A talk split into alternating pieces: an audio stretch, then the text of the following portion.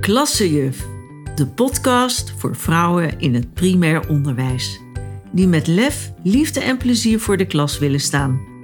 Mijn naam is Karen Wessels en ik ben enorm gedreven om je te helpen je rol in het communicatieproces vanuit een ander perspectief te bekijken. Zodat je op een bewuste en natuurlijke manier je leert te verbinden met je omgeving.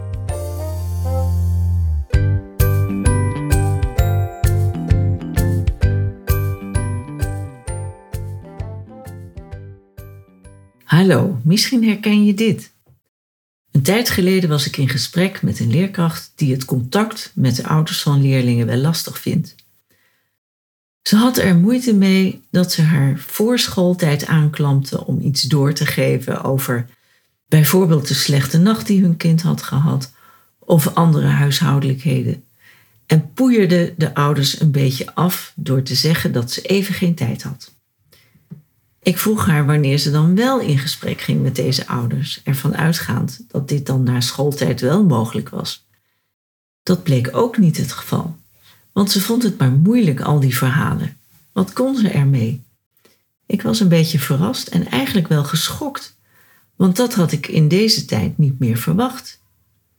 Ik moest denken aan mijn eigen verhaal en ervaringen van ontwijkende leerkrachten en vertelde haar mijn verhaal.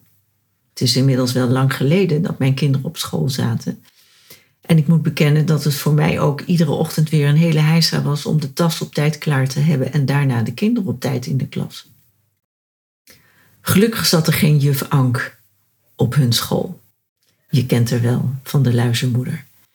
En mocht ik de kinderen zonder standje met een dikke knuffel in de klas zetten. Mijn zoontje had het in het begin op school best wel moeilijk om afscheid te nemen van mij. Dan gaf ik hem achter het glas nog een paar handkusjes en liep dan snel naar buiten. Ik vond het zelf ook moeilijk en liep soms ook met tranen in mijn ogen weg. Dat gedrag kwam niet alleen omdat hij nieuw was op school, maar ook omdat hij na de scheiding van mij en zijn vader met mij en zijn zusje was verhuisd. We woonden wel in hetzelfde dorp, alleen in een ander huis. Voor de kinderen wilden we dicht bij elkaar blijven om ze niet nog meer te belasten. Sinds die tijd had hij moeite met afscheid nemen. Van mij, maar ook van zijn vader. Eigenlijk van iedereen. Wanneer hij op zondag weer thuis werd gebracht, was dat in het begin best wel een heel gedoe. Gelukkig ging het na een verloop van tijd beter. Zijn zusje liet veel minder emoties zien. Ze leek het goed te doen en leuk te vinden op school, maar niets was minder waar. Zij verstopte zich achter gespeelde vrolijkheid. Vandaag de dag zijn samengestelde gezinnen bijna meer regel dan uitzondering, maar in mijn tijd was dat nog niet het geval. Ik merkte ook dat de leerkrachten er moeite mee hadden om erover te praten. Met mij, maar ook met mijn kinderen. Gelukkig ging het met mijn zoon inmiddels beter, maar met mijn dochter niet. Zij begon zich terug te trekken en vertoonde ander gedrag wat ik niet van haar gewend was.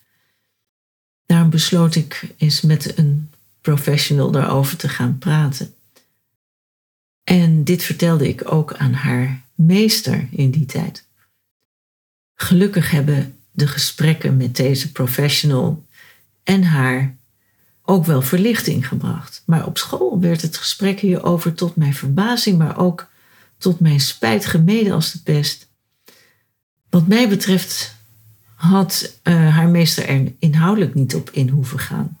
Maar even kort belangstelling tonen, dat was toch wel heel fijn geweest.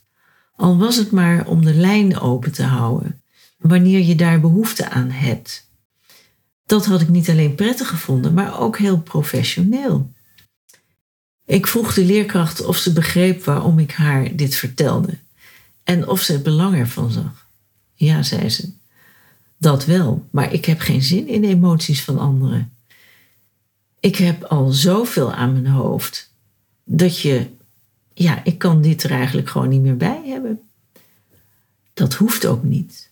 Maar al was ik maar één keer even kort gevraagd hoe het met me ging en met haar, met mijn dochter, dat had al zo'n groot verschil gemaakt voor ons allemaal. We zouden ons gehoord en gezien voelen. Zeker toen uh, de kinderen in haar klas merkten dat ze kwetsbaar was en haar gingen pesten. Ik hoef je niet te vertellen hoe schadelijk dat is voor een kind. En waar het nou om gaat is dat je met een klein gebaar een groot effect kunt hebben. En daarom wil ik je adviseren om in plaats van met een grote boog om de betreffende moeder heen te lopen, haar eens aan te spreken om te vragen hoe het ermee gaat. En of er misschien nog bijzonderheden zijn die jij moet weten. En mocht het nodig zijn, kom er dan van tijd tot tijd even kort op terug en toon wat belangstelling. Misschien is je leerling daar ook erg mee geholpen.